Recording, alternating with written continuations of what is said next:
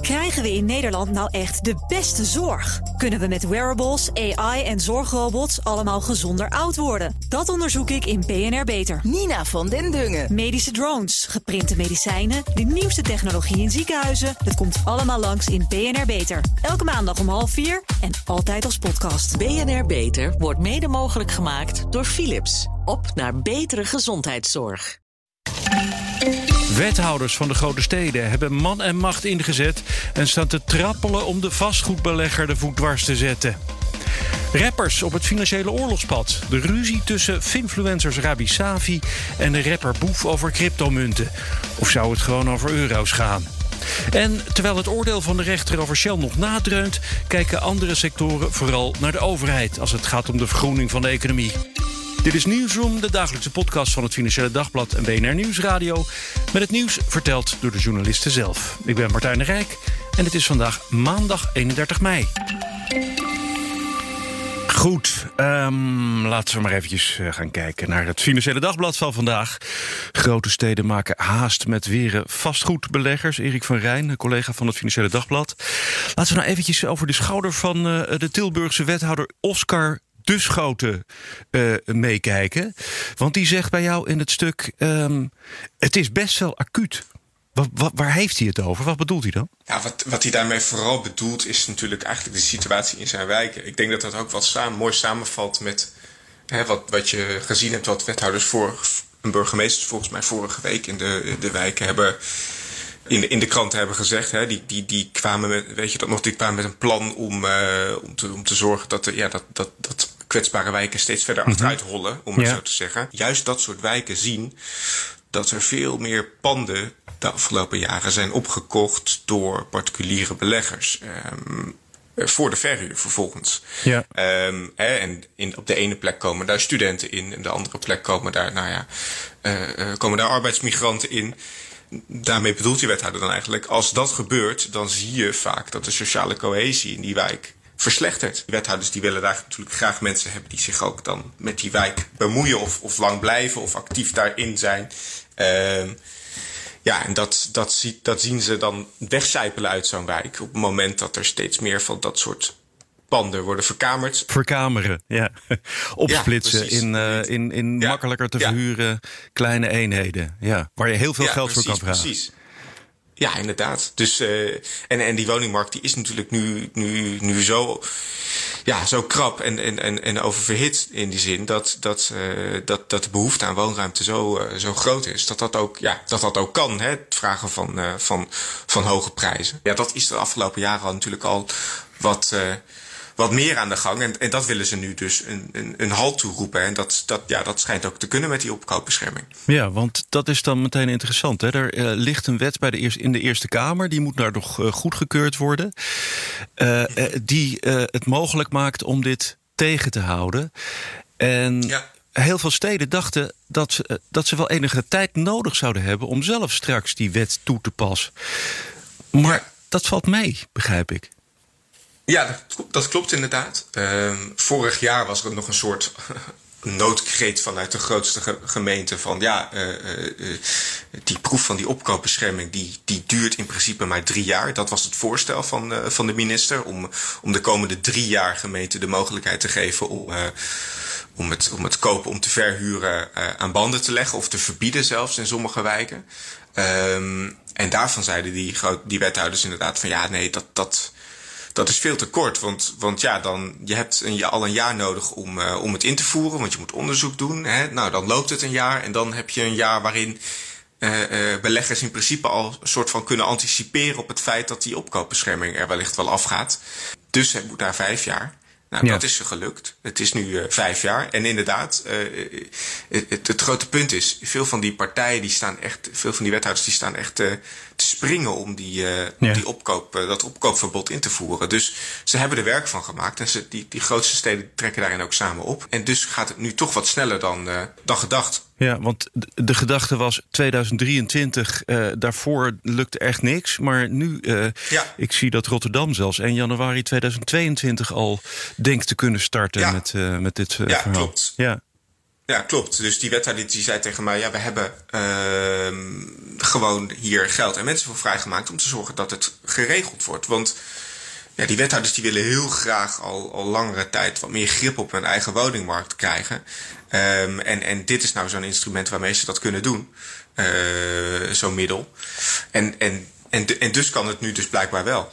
Um, kijk, wat er, wat er exacte redenen voor zijn dat ze, dat ze het, het eerst niet konden en nu wel kunnen, um, dat, dat bleef bij sommige gemeenten een beetje vaag. Ook lang nog niet alle gemeenten die zijn erover uit of ze het dan per 1 januari invoeren. Het, volgens mij zijn het, het zijn de, de, de, de steden die dat concreet noemden, waren Eindhoven, uh, Haarlem, uh, Den Haag en Rotterdam. Rotterdam dus. Ja. Um, en de andere steden, zoals Amsterdam en Utrecht bijvoorbeeld, ook steden waar beleggers echt uh, actief zijn, ja, die, die hebben wel gezegd, ja, we willen het snel doen, maar of dat al dan in 1 januari is, dat, dat, dat weten we nog niet. Dus dat, dat, dat hangt daar ook nog allemaal een beetje van af. Maar ja, feit is dat ze het graag heel graag willen, omdat ze dus zien van, ja, dit is iets wat we een halt toe moeten roepen. Uh, en we, we, we moeten in sommige wijken nu gewoon een stop erop zetten en zeggen van, ja, daar moet die rust op die, die woningmarkt wat meer terugkeren. Omdat er nu te veel huizen naar,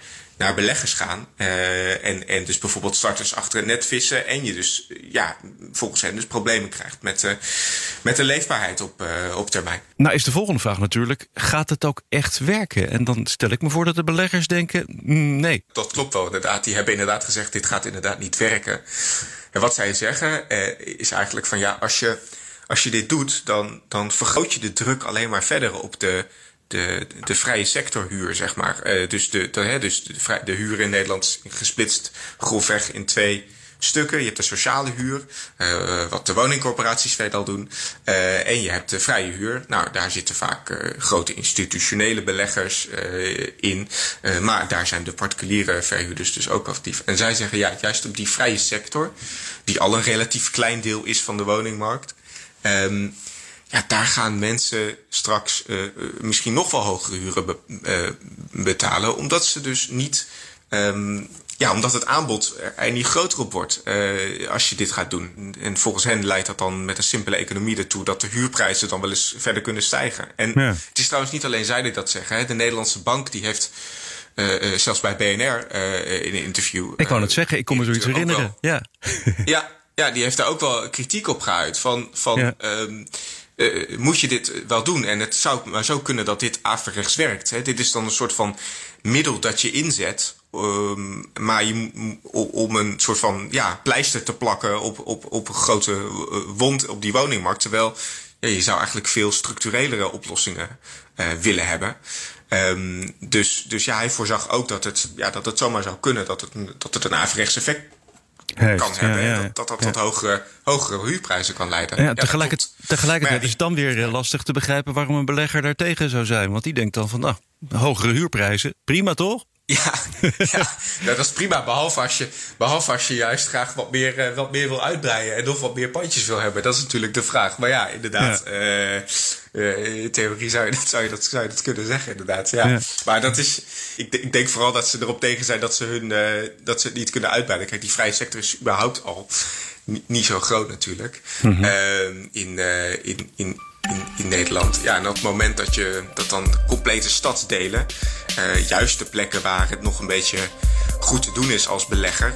Het zijn juist die, die, ja. die, die panden die, die nog niet zo voor de hoofdprijs uh, op de markt staan, die, waar je nog wat, uh, wat, wat, wat uit kunt halen. De woningmarkt, dat blijft toch wel een. een hete hangijzer. Dat, dat blijft ja. wel een beweging de komende tijd, denk ik. Ja, Oké. Okay. Dankjewel, Erik van Rijn. Graag gedaan. Misschien heb je het al door en anders dan komt dat wel in de komende weken. Maandag en dinsdag, dat zijn mijn dagen. En dan is je vertrouwde host Mark Beekhuis bezig met het bakken van een project... waarvan ik dan weer eventjes niet weet wat de geheimhoudingsstatus is. Maar het wordt vast heel erg mooi. Wil je reageren? Dan kan het natuurlijk altijd op nieuwsroom.bnr.nl of nieuwsroom.fd.nl. Wij willen Mark terug. Wij willen Mark terug. Maar als ik alles kon overdoen, verander ik niks, want ik adem nog. Klinkt best lekker, toch? Een lekkere beat. Ja. dit, dit, is, uh, dit is uh, Safi. Rabi Safi, alias de belegger. Hij mag even nee. uh, terug de telefoon in. Sonny Motke, daar praat ik mee van het Financiële Dagblad. En jij hebt je opeens in de, in de rapwereld verdiept. Dat mogen we wel zeggen, toch? Nou, je kunt ook zeggen dat de rapwereld uh, langzamerhand zijn weg weet te vinden steeds beter naar de financiële markten. Oh ja, dat en dan kom je ja. ook journalisten zoals ik tegen. dus, ja. ja. Want uh, uh, ja, er staat opeens een verhaal over een gangsterruzie in, in het Financiële Dagblad van vandaag. het begint allemaal met Savi, de belegger, die zich opwindt over een andere rapper. Uh, correct. Uh, nou Rabi uh, Safi, de belegger, is een van de nou, iets bekendere financial influencers. Dus die zit al standaard in het wereldje waar wij met FD natuurlijk mee te maken hebben. En hij maakt zich druk over um, hoe andere mensen met een grote online gathering op social media zich uitlaten over bijvoorbeeld beleggingsproposities en al dan niet uh, met een uh, disclaimer investeeradvies geven. Mm -hmm. Ja, en dan komt hij al snel uit bij iemand die qua bereik vele, vele malen groter is. Volgens mij is het uh, zeker 10, 20 keer zo groot. Ja. Rapper Boef. Ja. En Boef is natuurlijk uh, veel groter dan de financiële markten in Nederland. Uh, dat is iemand die, die is een van de populairste rapartiesten van dit land.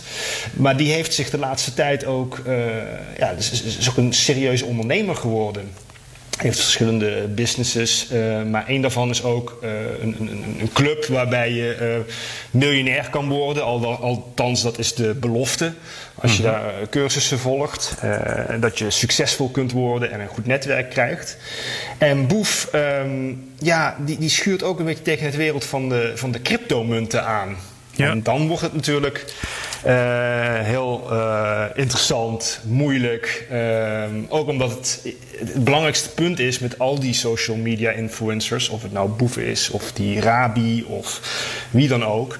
Je, je, het is moeilijk om te controleren of de kwaliteit van hetgeen wat zij zeggen, of dat wel, hoe goed dat is. En of ja. alles wel klopt. Ja, en dan is in dit geval de steen des aanstoots is Expose Protocol. Dat is een bedrijfje wat een cryptomunt de Expose op de markt gebracht heeft?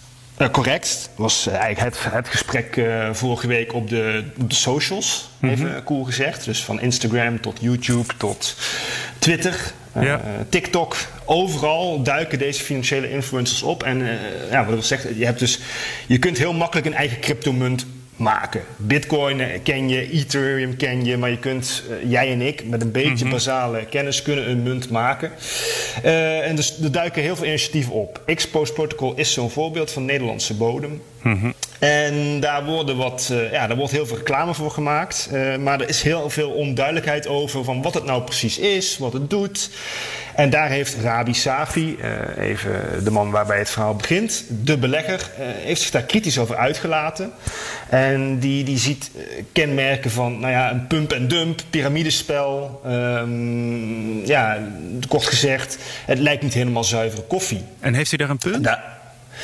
Volgens experts uh, wel. Dus er zijn onafhankelijke experts. Die hebben ook hier op BNR Nieuwsradio zich daarover uitgelaten. Dat het uh, niet helemaal duidelijk is waar Expose voor staat. Uh, er is geen goede white paper waarin uitgelegd wordt wat de bedoeling is. Het is niet zeker wie erachter zitten. Uh, en wat Rabi Safi zegt is, ja, uh, dat wat vaker is bij munten die je zelf maakt, die een klein groepje maakt, die kunnen daar het makkelijkst van profiteren. Hè? Als jij en ik ja. een munt maken en wij creëren de meeste munten voor onszelf. En we hangen er wat bekende namen aan vast en we gaan heel veel reclame maken. Dan zouden wij in theorie heel snel kunnen cashen door op het hoogtepunt van de, van de koers uit te stappen. Nou, je ziet afgelopen week in de koers van Expose, die is heel laag. 0,00001. Maar goed, maakt niet uit hoe hoog die koers is. Als die snel in percentage omhoog en omlaag gaat, dan kun je profiteren. En je ziet dat die koers op een gegeven moment heel erg omhoog ging.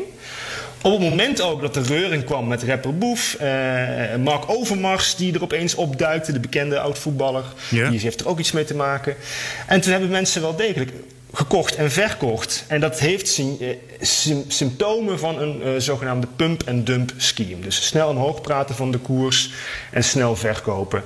Ja. Ik zeg niet dat er iets illegaals aan de hand is. Disclaimer, ik wil niet kapot gesuurd worden. Maar het, het, is raar, er is heel veel onduidelijkheid over. Want nogmaals, we weten niet precies wie erachter zit. Het is nog, uh, het is nog niks. Je weet nog niet wat de munt gaat doen, behalve dat er heel veel marketing omheen hangt.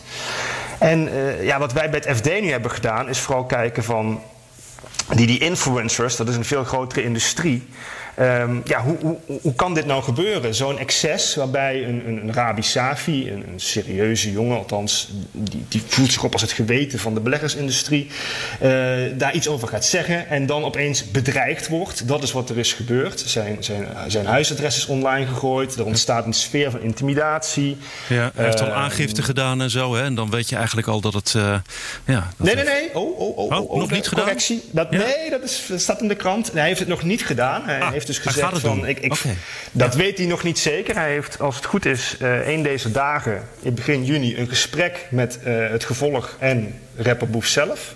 Dus rapper Boef en zijn management. Mm -hmm. En afhankelijk daarvan, liet hij weten, uh, gaat hij al dan niet aangifte doen.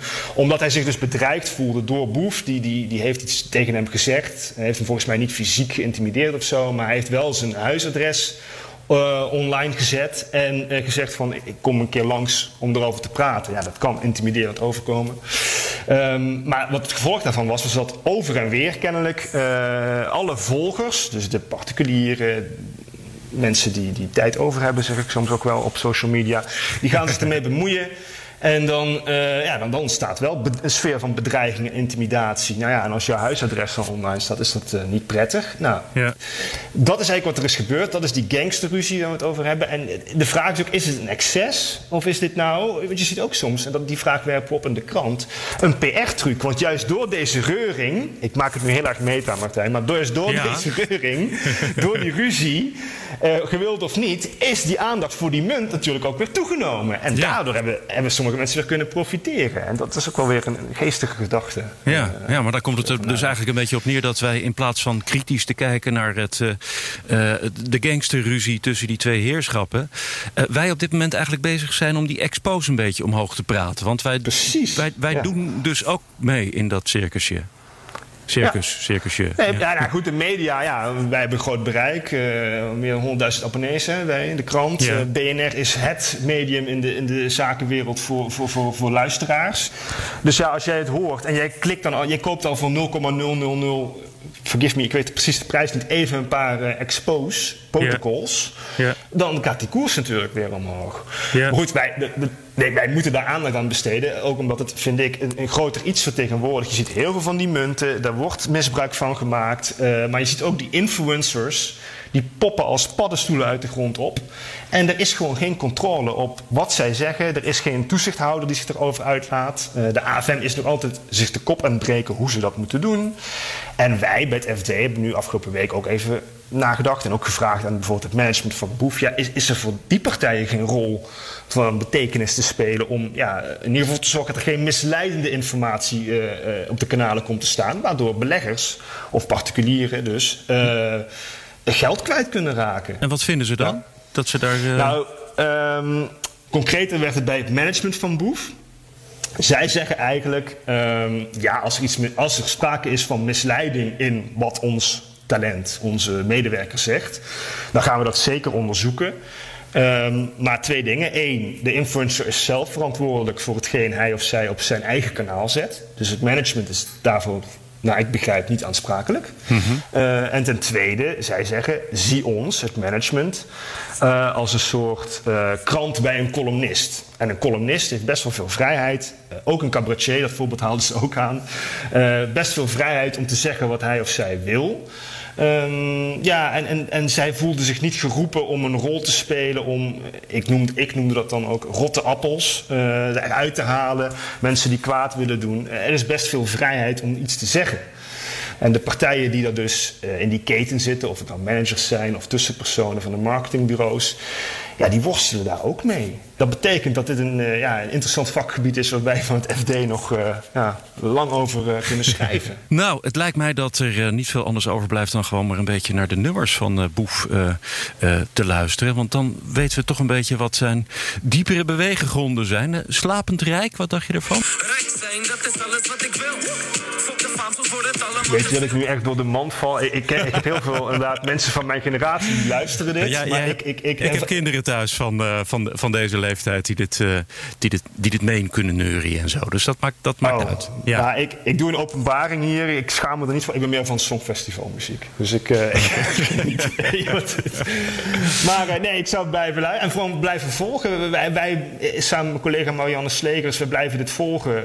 de influencers en ook de exposed protocollen. En iedereen die daar uh, meer over weet, die kan zich bij ons melden. Dat wil ik maar even kwijt. Nou, dankjewel. Hartstikke goed. Ja, jij Sonny, Sonny Montke van het uh, Financiële Dagblad.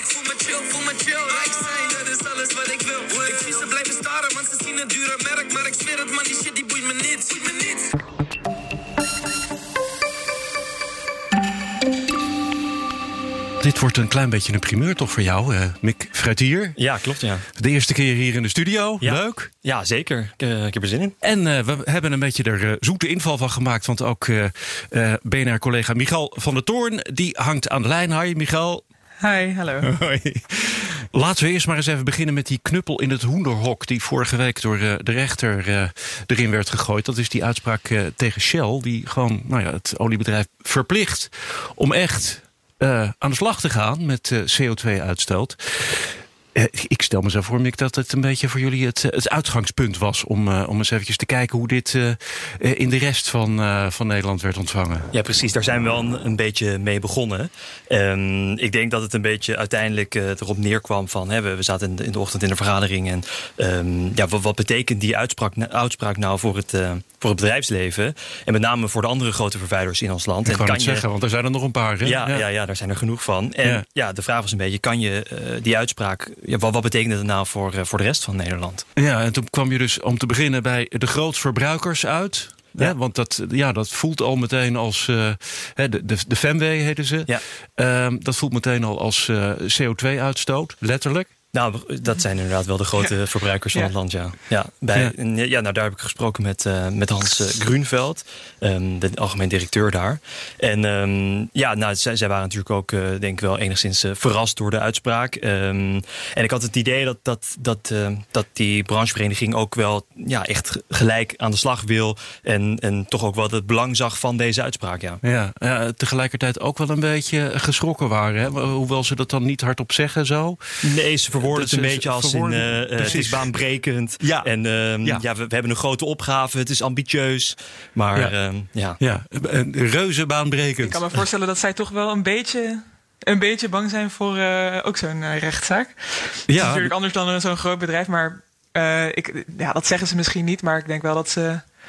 Nou ja, dat ze wel eens even goed gaan kijken naar hoe zij dit nou kunnen voorkomen. Maar vervolgens zeggen ze dus ook er moet het nodige gebeuren, maar dat moeten zij niet zelf in eerste instantie doen, hè, geloof ik. Nee, ja, ze verschuilen zich wel een klein beetje achter eh, de Nederlandse overheid, inderdaad. Um, met, met wat, er precies, uh, uh, wat er precies moet gebeuren. Um, ze willen dat de overheid meer investeert in de infrastructuur, uh, die het mogelijk maakt ook voor de industrie om, om te vergroenen en te verduurzamen.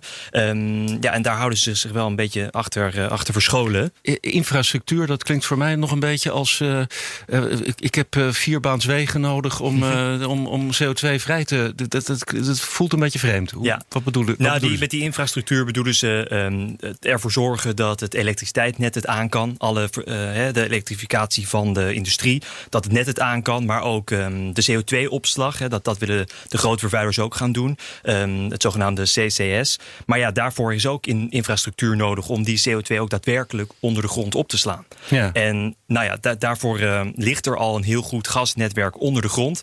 Maar ze zeggen, we hebben wet en regelgeving nodig om dat echt te gaan doen.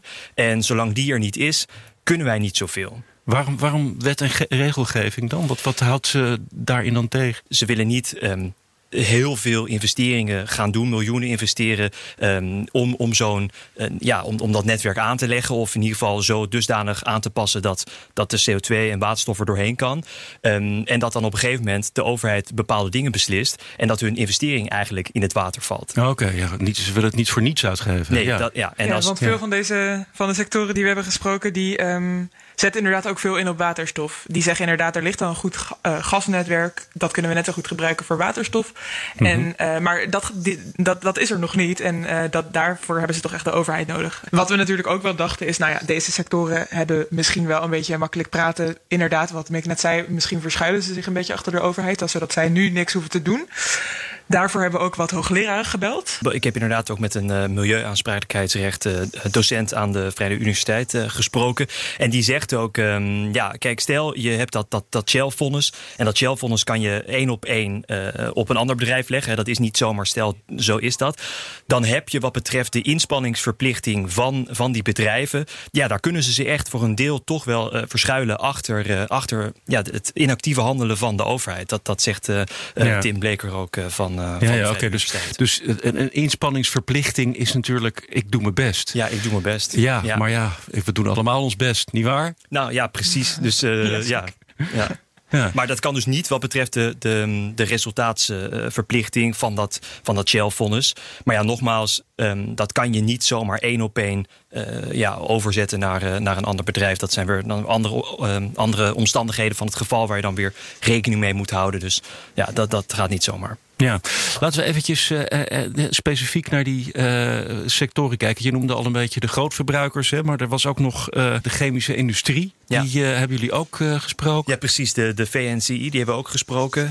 inderdaad, Vereniging van de Nederlandse Chemiebedrijven. Ehm, daar, daar heb ik gesproken met hoofd Energie en Klimaat Martijn Broekhoff. En nou, ook, ook bij hun zien ze hè, het belang van de uitspraak um, en het belang van het feit dat we CO2 moeten reduceren. Dat staat eigenlijk bij niemand echt ter discussie. Um, maar ook zij zeggen, ja, uh, om, om de juiste, er moet gewoon een hele hoop gebeuren om de juiste infrastructuur uh, op orde te krijgen. Die infrastructuur waar we het net al over hadden. Ja, ik heb gebeld met de uh, Koninklijke Metaalunie. En die, um, dat, dat is eigenlijk meer gericht op het MKB. Dus wat kleinere metaalbedrijven. Um, en die zeggen ook, nou, die zeggen eigenlijk ook hetzelfde. We willen heel graag vergroenen, maar dat is lastig. En zij zeggen ook. Um, maak die energietransitie voor MKB-bedrijven nou niet te duur. Uh, nu gaat het vaak zo dat het, de financiering daarvoor uh, bij het MKB wordt neergelegd. Tenminste, dat zegt de, uh, de Koninklijke Metaalunie. En dat moet veranderen. Ze zeggen ook, ja, leg nou wat meer verantwoordelijkheid bij inderdaad, die multinationals. Zij hebben vooral ook die netwerkcapaciteit nodig. Dus um, ja, dus voldoende, voldoende elektriciteitsnetwerken. Ja, maar ook, ook daar is het dus een beetje uh, wegschuiven. Dus eerst naar buiten kijken, ja. zou ik maar zeggen. Op een, wel, wel weer naar een ander clubje, maar, maar toch. Hmm. Ja, maar toch, het is niet. ik, ik denk dat het, en natuurlijk de, de, de waarheid ergens ook in het midden ligt. Um, Natuurlijk is de overheid ook uh, nodig, maar natuurlijk moet dit bedrijf ook naar zichzelf kijken.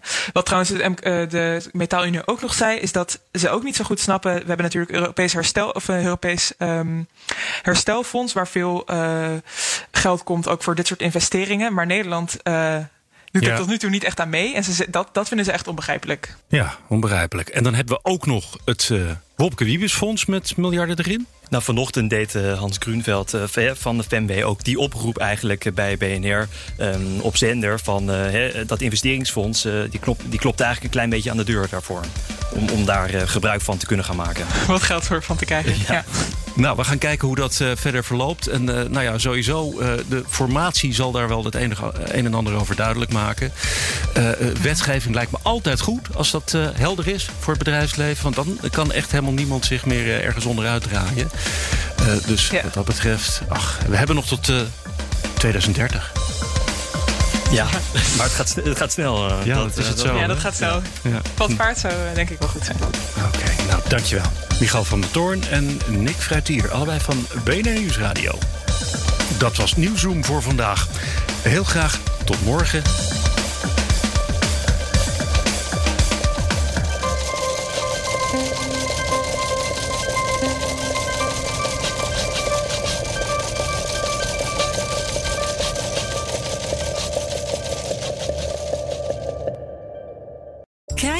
Nederland nou echt de beste zorg? Kunnen we met wearables, AI en zorgrobots allemaal gezonder oud worden? Dat onderzoek ik in BNR Beter. Nina van den Dungen. Medische drones, geprinte medicijnen, de nieuwste technologie in ziekenhuizen. Het komt allemaal langs in BNR Beter. Elke maandag om half vier en altijd als podcast. BNR Beter wordt mede mogelijk gemaakt door Philips. Op naar betere gezondheidszorg.